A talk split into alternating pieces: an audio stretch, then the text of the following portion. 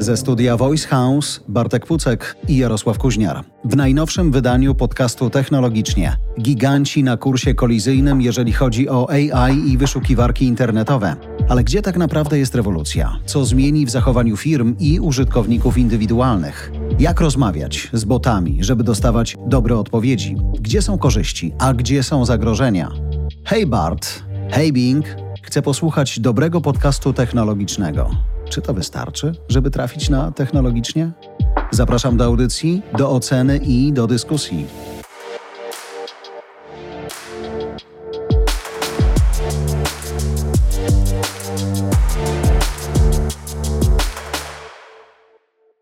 Ogarnąłeś wyszukiwarki Google'a i inne? Najczęściej nie korzystam. A gdzie szukasz wiedzy o świecie? Bezpośrednio w źródłach. A skąd wiesz, gdzie są źródła? A najczęściej z social mediów. O! Natomiast moment, w którym dzisiaj jesteśmy, myślę wszyscy jako społeczeństwa, ludzie, odbiorcy mediów, czyli mówią nam, słuchaj, do tej pory mogłeś napisać, czego szukasz. Gdziekolwiek nie szukałeś, ale powiedzmy, że były to typowe wyszukiwarki, ale dzisiaj możesz zupełnie inaczej do tego podejść. Czy to ułatwi nam wyszukiwanie dobrych źródeł, używając Twojej terminologii, czy nie? No, jeżeli mówimy o takiej zmianie paradygmatu korzystania mm. ze sposobu wyszukiwania informacji, z zadaj pytanie i otrzymaj listę wyników w wyszukiwarce, następnie rozpocznij poszukiwanie, która zindeksowana strona być może posiada właściwą odpowiedź, na rzecz produktów, w których zadajesz pytanie i otrzymujesz odpowiedź, Tutaj oczywiście jest gwiazdka, czy ta odpowiedź jest prawidłowa, czy ona nie tylko jest prawidłowa, ale czy jest prawdziwa, czy produkt zarekomendowany mm. w tej mhm. odpowiedzi jest właściwy, a może niewłaściwy, a może podstawiony. Kiedy rozmawiamy o takich rozwiązaniach jak wyszukiwarka kontra rozwiązania czatowe, w tym przypadku ChatGPT, czy właśnie to rozwiązanie, które Microsoft budowuje w, w Bing, to jest próba zmiany paradygmatu wyszukiwania informacji i otrzymywania odpowiedzi. Co to znaczy zmiana paradygmatu? Czyli pod spodem wszystko będzie inne? Jeżeli dzisiaj pisałem dobra kawiarnia w centrum Warszawy, to dostawałem jakieś wyniki, a jak teraz wypowiem to, chciałbym napić się dobrej kawy, świeżo palonej, wymyślam teraz, nie? W centrum Warszawy, najlepiej między ulicami taką a taką, to dostanę zupełnie inne wyniki? Podam na dwóch przykładach. Mhm. I dla uproszczenia, jeżeli opiszemy sobie, w jaki sposób działa wyszukiwanie w internecie. To, o czym ja teraz powiem, jest bardzo dużym uproszczeniem. uproszczeniem tak. Ale proces wygląda tak, że wpisujesz sobie frazę w Google, ta fraza, jeżeli została uznana przez algorytm za frazę wartościową do mhm. wyświetlenia przy okazji danego zapytania, to może być kawa w centrum Warszawy mhm. albo jakiś inny rodzaj informacji, jeżeli ta fraza będzie odpowiednio wysoka, odpowiednio oceniona jako prawdopodobna, otrzyma ten wynik, ten link pojawi się wysoko w wynikach wyszukiwania.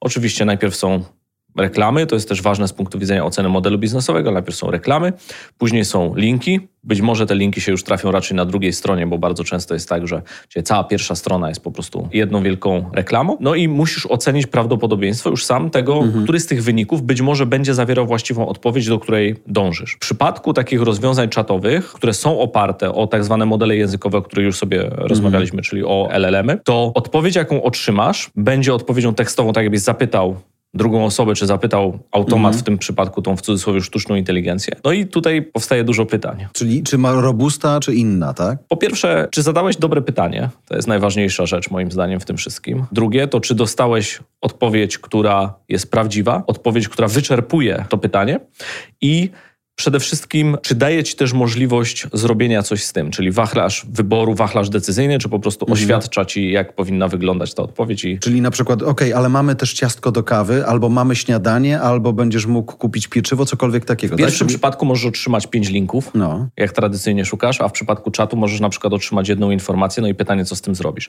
To, co jest na przykład atutem tych wyników w integracji Binga z ChatGPT, to jest również to, że dostajesz źródła.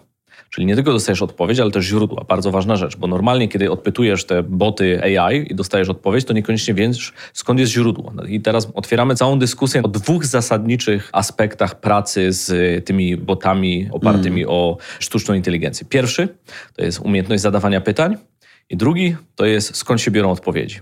Dobra, to idźmy w te oba światy, ok? Umiejętność zadawania pytań mnie to bardziej fascynuje dzisiaj, chociaż wiem, że akurat źródła mają znaczenie ogromne, bo jeśli one będą złe, przekłamane, oszukane, no to będę błądził. Ale trzymajmy się na razie tego, w jaki sposób I czy to zależy od płci, doświadczenia, inteligencji? Zadawać dzisiaj pytania tym maszynom, które mogą do nas przyjść z nowym formatem odpowiedzi. Ponieważ te silniki, mhm. które stoją za tą sztuczną inteligencją, są silnikami predykcyjnymi, czyli modele językowe plus silnik predykcyjny, czyli to, o czym już rozmawialiśmy sobie, czyli następowanie słów po sobie i prawdopodobieństwo i składanie tego. Jest taka teza, że jako ludzie przeceniamy swoją zdolność do tego, co nazywamy kreatywnością, czyli kreatywność być może jest właśnie takim rodzajem następstw w toku myślenia, gdzie kolejne słowa następują po sobie, są wspierane naszym doświadczeniem i dzięki temu wymyślamy jako ludzie różne e, nowe rzeczy. I mówi się o tak zwanej funkcji promptingu, tak? czyli umiejętności zadawania pytań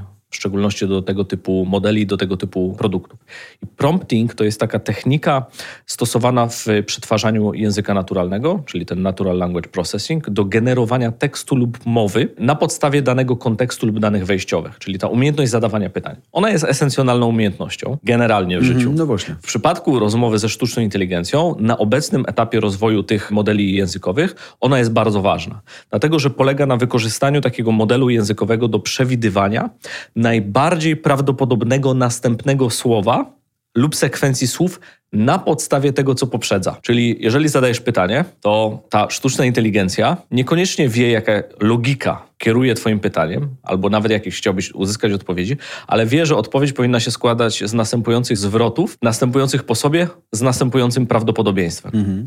Czyli jeżeli zadasz pytanie, jakiego typu może być. No, pytanie? trzymajmy się kawy w centrum Warszawy. Nie wiem, dobra kawa w centrum Warszawy. Dobra kawa w centrum Warszawy. Gdzie, ważne, ja muszę zadać to pytanie po prostu tak, jakbym pytał człowieka. Hej, gdzie w centrum Warszawy znajdę dobrą kawę? No, ale równie tak? dobrze możesz zapytać, dobra kawa w centrum Warszawy. Okay. Tak? No i? I teraz w tym dość prostym przykładzie mhm. otrzymasz rekomendację. W przypadku wyszukiwania będzie to 10 no linków tak. na mapie. W przypadku takiej odpowiedzi, nie wiem, w chat GPT być może otrzymasz rekomendację po prostu jednego miejsca. No i teraz pojawia się pytanie dotyczące danych. Mhm. Dlaczego akurat to jedno miejsce? Jeżeli zapytasz o bardzo dobry odkurzacz, dlaczego akurat ten produkt mhm. zostanie polecony? Albo dlaczego ten, a nie inny? I zobacz, że z punktu widzenia biznesowego otwiera się bardzo duże pole do dyskusji oraz do tworzenia nowych produktów, które mogą pozycjonować produkty w takich modelach językowych, w takich zbiorach danych. No bo dlaczego twój odkurzacz pojawił się w odpowiedzi tego bota jako pierwszy? A dlaczego 100 twoich produktów nigdy się nie pojawia? Używając dotychczasowej wiedzy, bo nie wiem, w modelu biznesowym firmy, z której wyszukiwarki korzystam, jest pricing na to, żebym pojawił się po prostu w tym wyszukiwaniu i tyle, nie? Jak zapłaciłem, to jest. Jak, jak zapłacisz, nie, no ale wiesz, nie. twoja strona z twoimi produktami będzie zindeksowana, tak? Czyli indeksujesz swoją stronę w Google. Produkty, które masz na tej stronie są zindeksowane w Google. Możesz je zindeksować dodatkowo dodatkowo z innymi usługami czy serwisami, po to, żeby na przykład wyświetlały się jako produkty w wynikach wyszukiwania razem z ceną. Ale w przypadku takiego chatbota, jak zadasz pytanie o dobry odkurzacz, no być tak. może otrzymasz jedną rekomendację. Dlaczego akurat taka rekomendacja, a nie inna? Bo po słowie dobry odkurzacz, wyobrażam to sobie teraz, bo powiedziałeś, że ta logika następujących po sobie słów też ma znaczenie, tak? Kiedyś pięknie to pokazywałeś na przykładzie wlas kotek na płotek. Wiadomo, że on ma wejść na płotek, bo tak po prostu ma mhm. i koniec, nie? Więc tutaj dobry odkurzacz to może być jakiś, nie wiem, zabawa skojarzeń, albo że ludzie dobry to może oznaczać na przykład najdroższy, nie? Mhm. Tak też może być to rozumiane. No i zobacz, co się dzieje w sytuacji, kiedy zbiór danych, którymi nakarmiona jest ta mhm. sztuczna inteligencja, kończy się tak jak przynajmniej na czas nagrywania tej rozmowy w przypadku chat e, GPT na 31 grudnia 2021 roku. Masz cały 22 w koszu. Ale jakieś produkty w międzyczasie Coś tam wyszło. się pojawiły. Okay. Czy najlepszy, mhm. czy odpowiedź, jak zadasz pytanie najlepsze, to czy faktycznie będzie najlepszy. No i tutaj wchodzimy w ogóle w kwestię tego, skąd te dane są, czyli na przykład, czy są indeksowane, czy taki model jest karmiony na przykład opiniami użytkowników z różnych serwisów. Możemy zakładać, że tak, ale czy wiemy, czy są karmione na przykład, albo inaczej, czy da się zastosować takie techniki, które zmienią sposób myślenia tego algorytmu, czy tej sztucznej inteligencji w cudzysłowie oczywiście, i zamiast Twojego odkurzacza będzie polecany inny odkurzacz? Bardzo dobre pytanie. No i dzisiaj już niektórzy kombinują z tym, czy da się w ten sposób zrobić, bo pamiętaj, że jedna rzecz to jest nakarmienie danymi, druga rzecz to jest interpretacja tych danych i ich umiejętność wyświetlania. Dlatego, że w praktyce, jak zadajesz pytanie, ta podpowiedź, czyli ten prompting, to jest krótki fragment tekstu. Znaczy to twoje pytanie o kawę no tak, tak, tak, to jest tak, tak. prosty przykład. Ale wyobraź sobie, że on będzie dużo bardziej złożony i będzie bardzo specyficzny problem do rozwiązania, wąski. Dlatego, że im lepsze wtedy twoje pytanie, czyli ten punkt wyjścia dla modelu językowego do wygenerowania tego tekstu, później tej odpowiedzi, tym istnieje prawdopodobieństwo, że ta odpowiedź będzie lepsza. Trzymając się teraz, zostawiając tą cholerną kawę, idąc za odkurzaczem, też lubię. Dobry odkurzacz, nie wiem, elektryczny albo jak najwięcej informacji o tym, jakiego sprzętu szukam w sumie, muszę wypowiedzieć tak? Żeby dostać jak najlepiej dopasowaną Wszystkie odpowiedź. elementy, które są dla ciebie ważne. No czy ma być to ręczny, czy no, samojeżdżący, wiesz, czy z pojemniczkiem takim, czy no z innym tak, i tak dalej. Ale tak kiedy dalej. pisałem o tym teraz, to w ogóle się nad tym nie zastanawiałem. Teraz rozumiem, że to będzie wymagało ode mnie jako poszukującego slash klienta wypowiedzenie jak najwięcej treści, żeby jak najlepiej dopasować odpowiedź do mnie. no, dzisiaj, jeżeli jesteś świadomym konsumentem i masz swoje potrzeby, to też zadasz tego typu pytanie, tak? Czyli jak kupujesz rower, nie zadasz pytanie rower. Dwa koła po prostu. Tak? Tylko będziesz bardziej specyficzny w swoim zapytaniu, ale dalej otrzymasz listę linków, mm. w których są, no i zaczynasz ten proces researchu, no. czyli porównywania, a to ceny, a to opisów, a to czegoś tam i tak dalej, i tak dalej. W przypadku zapytania do takiego bota możesz zadać oczywiście pytanie, pięć rowerów, które spełniają określone kryteria. I tutaj wymieniasz te kryteria. Tak? I być może wtedy tego typu rekomendacje produktów. No ale jeżeli ten model nie został nakarmiony na przykład danymi z rowerów, które miały premierę, nie wiem, no wczoraj, no tak. tak, albo mhm. tydzień temu, albo określonego producenta, no to nagle się okazuje, że ten model nie jest w stanie odpowiedzieć albo wymienić na przykład tego produktu, pomimo tego, że ten produkt będzie bardzo dobry. I to jest taki problem, który dzisiaj jeszcze stoi przed nami z punktu widzenia rozwiązania. Zarówno jeżeli chodzi o transparentność i aktualność danych, którymi te modele są karmione, jak i tego, czy i jak te modele będą odpowiadać, uwzględniając na przykład produkty firm. I teraz znów wracam do tego mm. pytania. Czy ma poradzić rower firmy X, czy rower firmy Y? Ale jeszcze, żeby dodać nieco skomplikowania, czyli tam, gdzie nie znamy odpowiedzi na to, w jaki sposób to ma działać i będzie działać, powiedzmy, że wybrałeś dany mm. rower. Skąd wiesz, który sklep będzie rekomendowany do tego, żeby go kupić? Trochę w tym świecie żyję i myślę sobie, wychodzę z takiego założenia, że po prostu to jakby nic się nie dzieje organicznie i że sklep, który zostanie mi polecony do sprzedaży czy do serwisowania tego konkretnego modelu roweru, który sobie wymarzę, to jest sklep, który, nie wiem, być może wyłożył pieniądze na to, żeby być po prostu. Ach, no właśnie. No i teraz jest pytanie, czy będzie powtórka, tak jak w przypadku branży tej mm. search, z pozycjonowania się w modelach językowych? Mm -hmm. Bardzo Myślę, interesujące tak. pytanie. Mm -hmm. tak? Dzisiaj wiele osób dyskutuje o tym, jaki jest potencjał biznesowy i w jaki sposób tam być. W jaki sposób te modele będą trenowane i czy inne firmy będą miały wpływ na to, czy mm. będzie pojedynek na no dodawanie swoich informacji do tych modeli językowych po to, żeby ten czat je lepiej pokazywał, widział, czy lepiej widział. Tak? Plus, oczywiście, jak mamy do czynienia z pozycjonowaniem tą częścią taką white, mamy też do czynienia z tą częścią black, czyli czy da się coś zrobić z algorytmem dzisiaj, żeby dawał odpowiedzi inne niż do tej pory? Czyli czy jesteśmy w stanie, w cudzysłowie, zhakować te modele językowe, po prostu wpisując rzeczy na tym czacie. Jest takie w zasadzie chyba trzecia najgorsza luka w zabezpieczeniach aplikacji mm. internetowych. To jest coś, co się ładnie nazywa SQL injection. To jest bardzo niebezpieczna rzecz, ponieważ wiąże się z wstrzykiwaniem takiego potencjalnego, niezaufanego tekstu do zaufanych systemów. I kiedy to zaufanie zostaje naruszone, generalnie można wpływać na ten system. Przykład. Czy istnieje już dzisiaj coś takiego, co się ładnie nazywa prompt injection, czyli próba zmiany wyników algorytmu za pomocą pytań. Teraz jak to działa? Jeżeli zadasz specyficzne pytania mhm. i stosujesz ten tak zwany prompt injection, to odpowiedzi z czasem jesteś w stanie wpływać na odpowiedzi tego algorytmu, nie tylko dla siebie, a też dla każdej innej osoby, która zada to samo pytanie. I jest już dzisiaj kilka przykładów, kiedy zarówno do chat GPT, jak i do tej integracji z Bingiem, jak i do innych mhm. E, modeli językowych robi się tak zwany prompt injection i zmienia się odpowiedzi podawane przez ten algorytm dla wszystkich ponieważ model zaczyna interpretować tą odpowiedź, uczy się jej i później podaje ją dla wszystkich. I było kilka takich przykładów, gdzie twórcy, na przykład ChatGPT, musieli interweniować i zmieniać te odpowiedzi na inne. Oczywiście mamy też do czynienia z sytuacją, w której możesz zapytać o pewne rzeczy. Na przykład ostatnio była dyskusja, czy w ostatnich latach wybory prezydenckie mhm. w Stanach Zjednoczonych były sfałszowane. No i teraz co ma zrobić taki algorytm? Jaka będzie jego odpowiedź? Algorytm powie po prostu to, co zostało zindeksowane w internecie, czy być może będzie tworzony proces tak zwanego AI alignment, który na przykład okaże się, że jeżeli pytanie dotyczy polityki, to odpowie it's complicated mhm. i może być tak, może być inaczej. Albo że jedni uważają tak, drudzy uważają inaczej i co, będziesz dostawał dwa silosy źródeł, czy co? Albo powstanie algorytm, który będzie bardziej skłaniał się w stronę określonych poglądów, albo w mhm. stronę określonych innych poglądów. I to jest ten przykład, kiedy w ostatnich latach widziałeś sytuację, gdzie był Microsoft Tay i chyba Meta Galactica.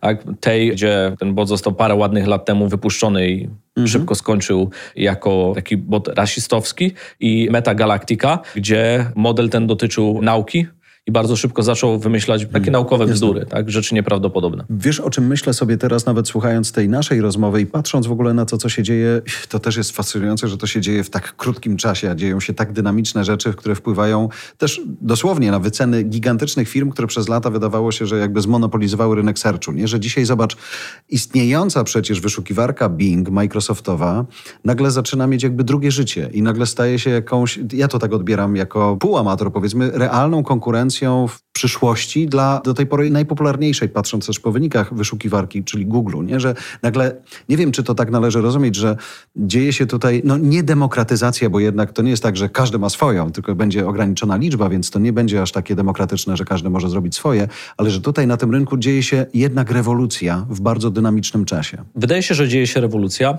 Przy czym trzeba pamiętać, że bardzo często w tych rewolucjach duzi będą jeszcze więksi. Mm. Czyli jednym z atutów działania tego typu modeli jest przede wszystkim to, jaki jest dostęp do danych, czyli na jakich danych te modele można tworzyć. Niekoniecznie chodzi o to, jak duży jest ten zbiór danych, tylko jak dobre są one jakościowo. I zazwyczaj to duzi gracze mają dobre jakościowo dane. Z drugiej strony to, o czym rozmawialiśmy, czyli możliwość karmienia prywatnymi danymi tych modeli przez firmy, to jest jeden z tych kierunków, który już dzisiaj jest bardzo interesujący z takiego biznesowego punktu widzenia. Trzeci oczywiście jest taki, gdzie dotykasz kwestii wyszukiwania. I moim zdaniem nie wiem, czy to oznacza ratunek dla Binga, mhm. albo czy to oznacza upadek Google Search. Natomiast moim zdaniem ukrytym zwycięzcą tego typu rozwiązań będą przeglądarki jako takie. Microsoft Edge w tym przypadku, mhm. no i zobaczymy, co będzie z Chrome i co będzie z Safari. A dlatego, że wbudowanie w przeglądarkę tego jest dużo istotniejsze niż wbudowanie w sam search. Dlatego, że jeżeli taki bot, taki chatbot w uproszczeniu jest wbudowany w przeglądarkę, to wyobraź sobie, że niezależnie od tego, co robisz na tej stronie, korzystasz z Notion, mhm. odpytujesz chatbota, korzystasz z dokumentu w przeglądarce, odpytujesz. Jesteś na jakiejś stronie internetowej, odpytujesz. Czyli tak? jakby nie interesuje cię, gdzie tak naprawdę to pytanie zostaje zadane, ale ty to robisz w aplikacji, w której jesteś. Dokładnie. I w momencie, kiedy pojawiają się dyskusje dotyczące wyszukiwarek, mm. Ja od razu się zastanawiam, wiesz, bo to jest jakiś stolik pod tytułem Bing wrócił do stolika pod tytułem wyszukiwarka. No, no, Moje no. pierwsze jest pytanie takie, co się stanie, jeżeli takiego stolika jak wyszukiwarka nie ma? Siadasz do zupełnie innej gry i dla mnie tą grą jest jakby wbudowanie tego typu rozwiązań bezpośrednio w przeglądarki oraz bezpośrednio w komputery czy bezpośrednio w telefony, bo zobacz, że w przypadku wyszukiwarki, jeżeli masz, nie wiem, wyszukiwarkę na telefonie, jakąkolwiek i dzisiaj ona zostanie wzbogacona o taką funkcję chatbotową po stronie na przykład iOS mhm. albo po stronie mhm. Androida, to ona nadpisuje większość tych rozwiązań. Czyli nie musisz iść do jakiejś wyszukiwarki, do Google Searcha, do Binga czy gdziekolwiek indziej, tylko ten chatbot żyje jakby cały czas w Twoim urządzeniu, niezależnie od tego, czy to urządzenie jest laptopem czy telefonem. Natomiast ponieważ większość czasu spędzamy z punktu widzenia korzystania komputerów w przeglądarce internetowej, to wbudowanie tego typu rozwiązań w przeglądarkę internetową, to to moim zdaniem jest duże. No i tutaj każdy z graczy, zarówno Apple, Google, jak i Microsoft, mają swoje rozwiązania przeglądarkowe. No i teraz dla mnie bardziej niż kwestia wyszukiwania, ja patrzę na to jako nowy pojedynek dla przeglądarek internetowych. W ogóle nie myślałem o tym w ten sposób, ale to wydaje mi się może nie tyle oczywiste, teraz już oczywiste, ale rzeczywiście, nawet patrząc po Onecie, to okienko wyszukiwania na głównej stronie Onetu jest duże i tam jest mały dopisek Google, nie? I teraz wyobrażam sobie, że ten dostawca wyszukiwarek dzisiaj dla właśnie Notion innych, to będzie taka usługa trochę white labelowa. Masz, ja mam wyszukiwanie, ty masz jakąś aplikację, masz tam swoich ludzi, bardzo proszę podłącz mnie pod spodem, tak? No wyobraź sobie, bo są te informacje o tym, że Microsoft będzie wprowadzał produkty z takiej serii Copilot, czyli na przykład wbudowane w Outlooka. I zobacz, jak inaczej będzie wyglądała twoja interakcja na przykład z programem pocztowym, w którym zamiast szukać maila pod tytułem tam, kiedy to było mm, i wiesz, szukasz mm, daty, mm, filtrujesz, przeglądasz i tak dalej, zadasz pytanie. Mail od Jarka w sprawie nagrania podcastu mhm, w ostatnim miesiącu. I dostaniesz informację, która jest w treści tego maila. Nie będziesz musiał szukać tego pojedynczego momentu. Dostajesz informację. Teraz wyobraź sobie, że odpytujesz rzeczy sprzed, nie wiem, pięciu lat na przykład, tak? które gdzieś się tam znalazły. Druga sytuacja to jest taka, w której masz pliki na swoim komputerze, w których zamiast szukać, jak się ten plik, jak się ten folder nazywał, po prostu zadajesz pytanie, gdzie jest moje zdjęcie? I otrzymujesz po prostu ten wynik. I to zmienia sposób interakcji z komputerami i to, co dzisiaj jest takie atrakcyjne mm. i mhm. dlaczego dużo się mówi o tych procesach, jest właśnie to, że wiele osób przewiduje, że zmienia się sposób interakcji z komputerami dzięki tego typu rozwiązaniom. Czyli to jest, ale właśnie, bo my mówimy wyszukiwarki, a to się zamienia nam w trochę w rozmowę dzisiaj, tak? Czyli, tak. Bo nawet ktoś ostatnio do mnie mówił, a czy widziałeś ten wątek i czy to jest fajne i czy w tą stronę będzie szło, że ja myślę sobie, podaj mi super przepis na, nie wiem, jakiś tam włoski makaron z północy Włoch, gdzie wykorzystamy makaron taki i taki, wyskakuje ci coś i od razu, a teraz zrób mi przepis do tego i jeszcze zamów mi te rzeczy w sklepie. Także w sumie w czasie tej jednej umownej sesji ja dostaję bardziej kompletne informacje i to moje wyszukiwanie, ale głosowe, czy współpraca z botem, a nie tylko z czymś, co było do tej pory pod spodem, to jest jest zupełnie inna zabawa. I zobacz, jakie dwa problemy się tutaj rysują. Pierwszy jest następujący. Tylko dwa, to już się pocieszam. Pierwszy problem to jest własność intelektualna. Wyobraźmy sobie, że jesteś dzisiaj serwisem z 100 tysiącem przepisów do gotowania, tak. które są zindeksowane w Google. No jak wpiszesz przepis na X, próbujesz być tam czwarty, ktoś kliknie, no, no, no, zarobisz pieniądze na reklamie i tak dalej, i tak dalej. Ale co się stanie, jeżeli zadasz takiemu chatbotowi pytanie o przepis na X, na dokładnie ten sam i tenże model nakarmiony internetem, mhm. włączając w to twój serwis internetowy, po prostu zapoda... Jako swoje. Jako odpowiedź. No, po prostu jako odpowiedź. Swoją odpowiedź na twoje pytanie. To zmienia gospodarkę mhm. internetu. To zmienia modele biznesowe dla wielu firm i organizacji, w szczególności tych, które są zasilane reklamami. Zatrzymajmy się na tym etapie. Kwestia smaku. To jest taki portal, gdzie ja zwykle szukam przepisów, jakoś im ufam od lat. Mhm. I teraz, gdybym był właścicielem takiego serwisu, to nie jestem w stanie właśnie teoretycznie w moim modelu biznesowym dorzucić sobie to, że ten chatbot wyrzucając przepis, ale on jest mój, ja zarabiam. Jeżeli te chatboty będą podawały źródła, no. jasne, wtedy bo rozumiem, zalinkuję do źródła. Dzisiaj... Oczywiście pozostaje pytanie, czy ty w to źródło wejdziesz, no tak. skoro otrzymałeś wcześniej odpowiedź. Dlatego dzisiaj bardzo dużo się rozmawia i są różne analizy w tej chwili dotyczące impaktu tego typu rozwiązań na rynek reklamowy, mm. w szczególności w przypadku Google, które jest firmą reklamową na koniec mm. Z punktu widzenia mniejszych serwisów internetowych, zła wiadomość jest taka, że to zaindeksowanie tych danych do tych modeli, to już się odbyło. Czyli te modele już tymi danymi zostają nakarmione. Jeżeli one są publiczne w internecie, to istnieje wysokie prawdopodobieństwo, że taki Google Bard, aczkolwiek model bardowy jest mniejszy niż model GPT, już takimi danymi został nakarmiony. Teraz pozostaje pytanie o atrybucję, czyli właśnie o to linkowanie do źródła, w jaki sposób one będzie robione. Czy pojawi się tutaj jakiś model wynagradzania na przykład mhm. za to, że twoja informacja została użyta w tym modelu. Czyli możesz zarobić po latach, krótko mówiąc. Na przykład, no po latach albo w czasie rzeczywistym, ale dlatego, że była atrybucja dokonana. No i to jest otwarte pytanie, jest dużo dyskusji na ten temat w branży technologicznej. Teraz mówimy głównie w takim modelu search, czyli poszukiwania mhm. informacji, otrzymywania odpowiedzi. A co się dzieje w momencie, kiedy na przykład używasz modeli text to image, czyli do generowania obrazków i model został nakarmiony pracami artysty X i Y. No już został nakarmiony. Tak? I tutaj pojawia się pytanie. No i generalnie rzecz biorąc, jesteśmy bardzo wcześnie, jest bardzo dużo tak zwanego hypu, tak? Mhm. Czyli dzisiaj wszyscy o tym mówią do przesady, tak? Czyli mhm. część osób uważa, że jakby rewolucja w ogóle nigdy nie było nic większego i tak dalej, i tak mhm. dalej. Część osób, druga strona.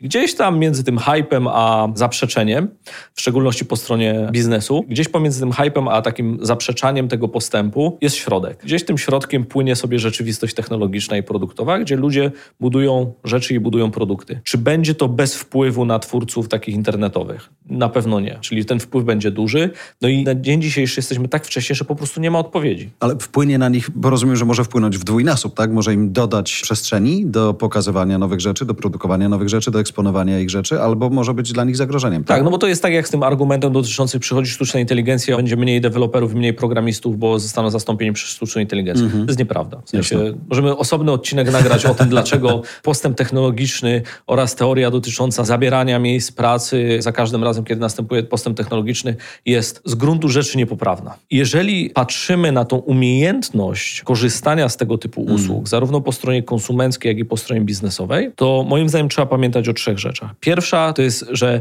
jakość pytań ma ogromne znaczenie. Czyli jest to powiedzenie garbage in, garbage out. Czyli jeżeli twoje pytanie będzie śmieciowe, to twoja odpowiedź też będzie śmieciowa. I to jest bardzo istotne, dlatego że kiedy stosujemy ten prompting, to zapytanie do tego chatbota, to jakość tego zapytania jest fundamentalnie istotna. Taki przykład. Jeżeli zadasz o coś pytanie i powiesz w pytaniu podobne do i tam użyjesz jakiejś mm -hmm. nazwy produktu no, no, no, no, czy czegokolwiek innego, to to już pomaga, ponieważ zawęża albo uściśla dla tego modelu językowego Jakiego rodzaju odpowiedzi szukasz? Więc im lepsze te pytania, czy ja czasami widzę, jak ludzie zadają pytania do ChatGPT mhm. i wiele osób, w szczególności kiedy to robi, żeby otrzymać bardzo dobre odpowiedzi, to te pytania są dłuższe niż te odpowiedzi. No właśnie, tak. Nie jest to dziennikarska robota. nie, nie, nie jest. Aczkolwiek no, wiadomo, że część osób po prostu zadaje takie pytania bardzo generyczne, tak jednozdaniowe. Nie, ale to też ważne, że jeżeli trzeba będzie właśnie się zmienić, to dla mnie to jest rewolucja. Nawet jeżeli mielibyśmy inne jej aspekty odłożyć, to właśnie to, że to jest zupełnie inny sposób dowiadywania się czegoś. Nie? Dokładnie tak. I zobacz, jak dużo mm. rozmawialiśmy już nie w kontekście mm. sztucznej inteligencji, o umiejętności zadawania pytań. To jest fundamentalna umiejętność. Tak? Jeszcze raz. Garbage in, garbage out. Druga rzecz to była ta, którą powiedziałem o przykładach, czyli bardzo często, kiedy zadaje się pytania na przykład do chat GPT czy jakiegokolwiek innego podobnego modelu, to umiejętność podawania podpowiedzi jest zawsze pomocna dla tego typu modelów. No tak, choć wiesz, myślę sobie teraz trochę będąc adwokatem diabła, ja przychodzę do ciebie, żebyś mi powiedział, a nie żebyś oczekiwał ode mnie, że ja ci teraz jeszcze popodpowiadam. Ale, no, ale... ale wiesz co, czasami to jest tak, jak rozmawiasz z drugim człowiekiem i okay. twoje pytanie może być na tyle generyczne, że ktoś powie jakby... Okej, okay, ale o co chodzi? Ale o co tak? chodzi, tak? W sensie spróbuj dopasować tą odpowiedź, użyć jakiegoś rodzaju wskazówek, podpowiedzi. Kontekstu? Kontekstu, mhm. dokładnie, dlatego że czasami, nie? Nawet bardzo prosty kontekst, który możesz dodać, bardziej humorystyczny, albo Aha, to powinno być smutniejsze, albo jakby to mówił ktoś. Uśmiechnę się, bo właśnie a propos w ogóle jak to powstaje, jak to buduje, ale też w znaczeniu autorzy obrazów, autorzy rzeźb. Dzisiaj Dominika Wołk, która z nami pracuje na co dzień w Kuźner Media, pokazała jak powstała, właściwie jakbyś wszedł, nie wiem, we Florencji teraz do jakiejś galerii sztuki i popatrzył na to, pomyślał sobie, wow, no właśnie to jest to. I teraz myślałbyś, kto to zrobił? Zadanie, jakie postawiła przed sztuczną inteligencją. Rzeźby renesansu, Muzeum Para Ludzi. Ceramiczna, Skóra. Całują się, przytulają. Michał Anioł, Hecknell, Heckel, przepraszam. Hiperrealistyczne, fantasy, surrealistyczne, manga lata 80. 3D rendered, digital art, 4K, 8K, pixeloza, trending on Unreal Engine i tak dalej, i tak dalej. Ileś rzeczy, mhm. które wyrzuciły jej tak piękną rzecz mhm. i właśnie każdy, kto wykonał tą rzeźbę, która została przerobiona na zdjęcie i wrzucona kiedyś do sieci, jest współautorem tego, co ona dostała. Plus jeszcze dodatkowy aspekt.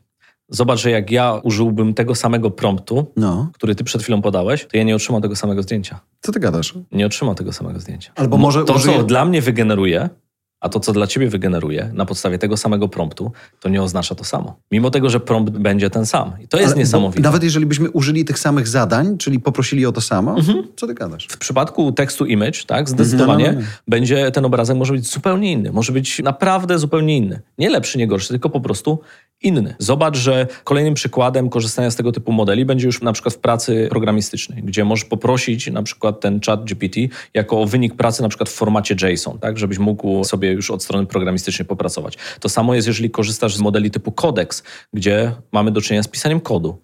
Poprosisz o coś mhm. i czy twój kod będzie taki sam jak kod wygenerowany dla drugiej osoby?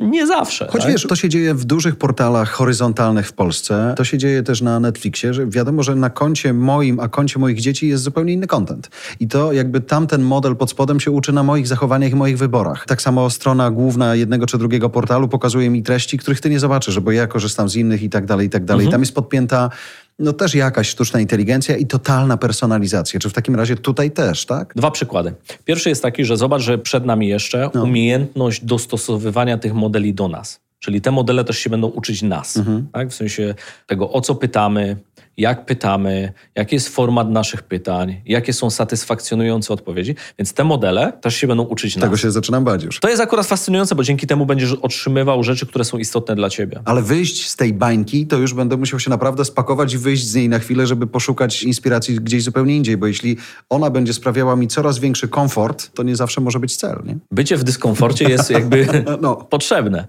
Natomiast zobacz, jak to się pięknie łączy, że z jednej strony masz algorytm, który uczy się ciebie, i z drugiej strony algorytm, który uczy się na tych danych. I teraz te dane mogą być publiczne, czyli wszystko, co jest dostępne w internecie, i mogą być danymi prywatnymi, czyli modele stworzone na prywatnych danych, które masz na przykład, nie wiem, na swoim urządzeniu, czyli one mhm. nie wyjdą albo w swojej firmie czy organizacji, one nie wyjdą na zewnątrz, nauczą się i tak dalej. Dzięki temu ta umiejętność rozmowy z tymi modelami będzie dużo bardziej wartościowa. Jasne, Przede wszystkim ona ci mhm. zaoszczędzi dużo czasu. No, no, no. Zobacz nawet dzisiaj, jakbyś chciał napisać ogłoszenie o pracę piszesz ogłoszenie do pracy i daj prompt na określoną rolę, czyli żeby sztuczna inteligencja stworzyła ci ogłoszenie o pracę. Ale dodaj corporate, a drugie dodaj startup mm. i mhm. porównaj wynik. No tak. tak. Już same nawet takie małe zmiany będą miały duży wpływ na odpowiedź, którą uzyskasz. I teraz jeżeli się okaże, że model rozumie, że ty prowadzisz szybko rosnącą firmę technologiczną, to będzie się dostrajał z odpowiedziami do tego, co aktualnie potrzebujesz, mm. a nie do tego, kim Jasne. nie jesteś. Jasne. Tak? I to jest istotny aspekt całej tej Teoretycznie zaoszczędza czas. Zaoszczędza czas, zaoszczędza pieniądze, dlatego że w przypadku wielu pytań. Są to rzeczy, które dzisiaj odpowiedź zajmuje, nie wiem, albo godzinę, albo minuty czekania, a tutaj masz te odpowiedzi naprawdę bardzo, bardzo szybko. Plus tak Przy czym? Nie zawsze te odpowiedzi są dokładne, trzeba powiedzieć na co trzeba bardzo, bardzo uważać, one nie zawsze są prawdziwe. Czyli jeżeli dzisiaj zadałbyś prompt, zaplanuj mi sesję czy plan treningowy dla takiej i takiej, czyli już takiej mm -hmm, takiej mm -hmm. osoby z takimi takimi problemami czy wymaganiami albo z taką ilością, to oczywiście dostaniesz odpowiedź. Pięknie zaplanowany program treningowy. Tutaj squats, tutaj burpees, tu to i tak dalej, i tak mm. dalej. Tak? Kolega się przygotował. Albo nie, jest w procesie. Nie, do burpeesów się nie trzeba przygotowywać. Mentalnie trzeba tylko przygotować mm. co najwyżej. Ale polecamy burpeesy. Polecamy. Ja polecam. Mm. Polecasz burpeesy? Jeszcze nie wiem, co to jest. Przepraszam, jeśli się zawstydzam i słuchacze też tą swoją nie wiedzą, ale nie wiem. to dobrze. Jarek zrobi prompta, co to jest burpees, a później zademonstruje. Więc zobacz, że ten program treningowy, mm. który będzie zaplanowany przez tą sztuczną inteligencję, nie wiesz, czy on jest poprawny. Nie ma rzek tego no tak. wiedza plus profesjonalizm plus doświadczenie plus człowiek, który jest w stanie to zweryfikować. Być może on będzie nakarmiony najlepszymi danymi dotyczącymi no, no, no. jakości ćwiczeń, ale czy to będzie dobry program treningowy? Okej, okay, ale zobacz, bo teraz wyobrażam sobie właśnie, że z tego świata takiego totalnie open, globalnego, ja wchodzę w świat właśnie mojej firmy, czyli jak ja prowadzę jak ja na przykład wykorzystuję swoją wiedzę, bo jestem właśnie trenerem personalnym, slash dietetyk i tak dalej, i wewnątrz mojej organizacji mam ileś planów stworzonych i to nimi karmię, to jeżeli ja poproszę o stworzenie takiego programu, ja dostaję od maszyny coś, co sprawdzam i wysyłam dalej mhm. w świat. Myślę, że to też fajnie widać dzisiaj w kontekście wielu dużych mediów, które korzystając z tego, co się dzieje wokół dzisiaj właśnie czatów GPT, zaczynają się przyznawać, że one z AI-em to są w ogóle za pan brat od dawna, czy to są wydawcy, czy to są graficy, oni wprost mówią mi to oszczędza x czasu, ale jednak na końcu jestem ja, żeby właśnie sprawdzić, tak? Czyli ja sobie zadaję, grafik może to wykorzystać, zadaję coś, dostaję grafikę, więc odpada mi czasem etap kreatywny, ale na końcu jednak właśnie sprawdzam wiarygodność tego, jakość tego i jestem tutaj mimo wszystko potrzebny. Czyli dla mnie to jest support, a nie zwalnianie mnie z roboty. I w niektórych rolach to jest jeszcze, tak? czyli do czasu, Aha. kiedy następuje ten proces automatyzacji a w innego rodzaju rolach być może jeszcze przez długi, długi czas ten human touch będzie potrzebny.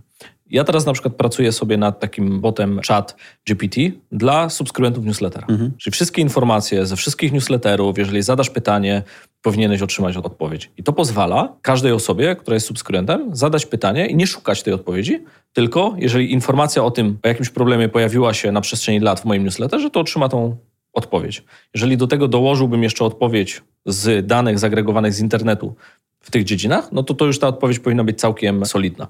I wydaje mi się, że ta nazwa w zasadzie, która się zaczyna być tożsama jako co-pilot, to jest bardzo dobre określenie do traktowania tego typu rozwiązań. To nie jest zastępstwo, to nie jest pracownik, chociaż czasami niektórzy mm tak w ten sposób Dokładnie tak. traktują, tak. ale co-pilot, tak? czyli to jest taki kopilot w codzienności. I teraz wydaje mi się, że będziemy widzieć tego typu rozwiązania, takich co-pilot w ogromnej ilości dziedzin naszego życia.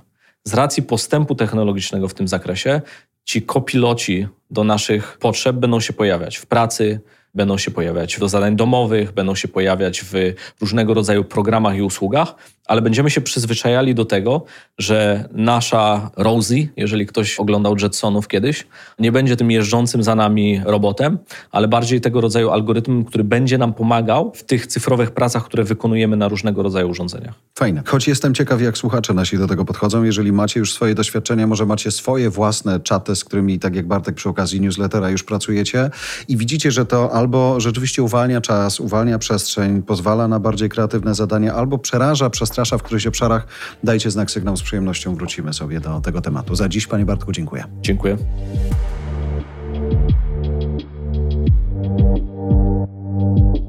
Kierownictwo produkcji Dorota Żurkowska. Redakcja Agnieszka Szypielewicz. Dystrybucja Olga Michałowska. Dźwięk Kamil Sołdacki. Redaktor naczelny Voice House Jarosław Kuźniar.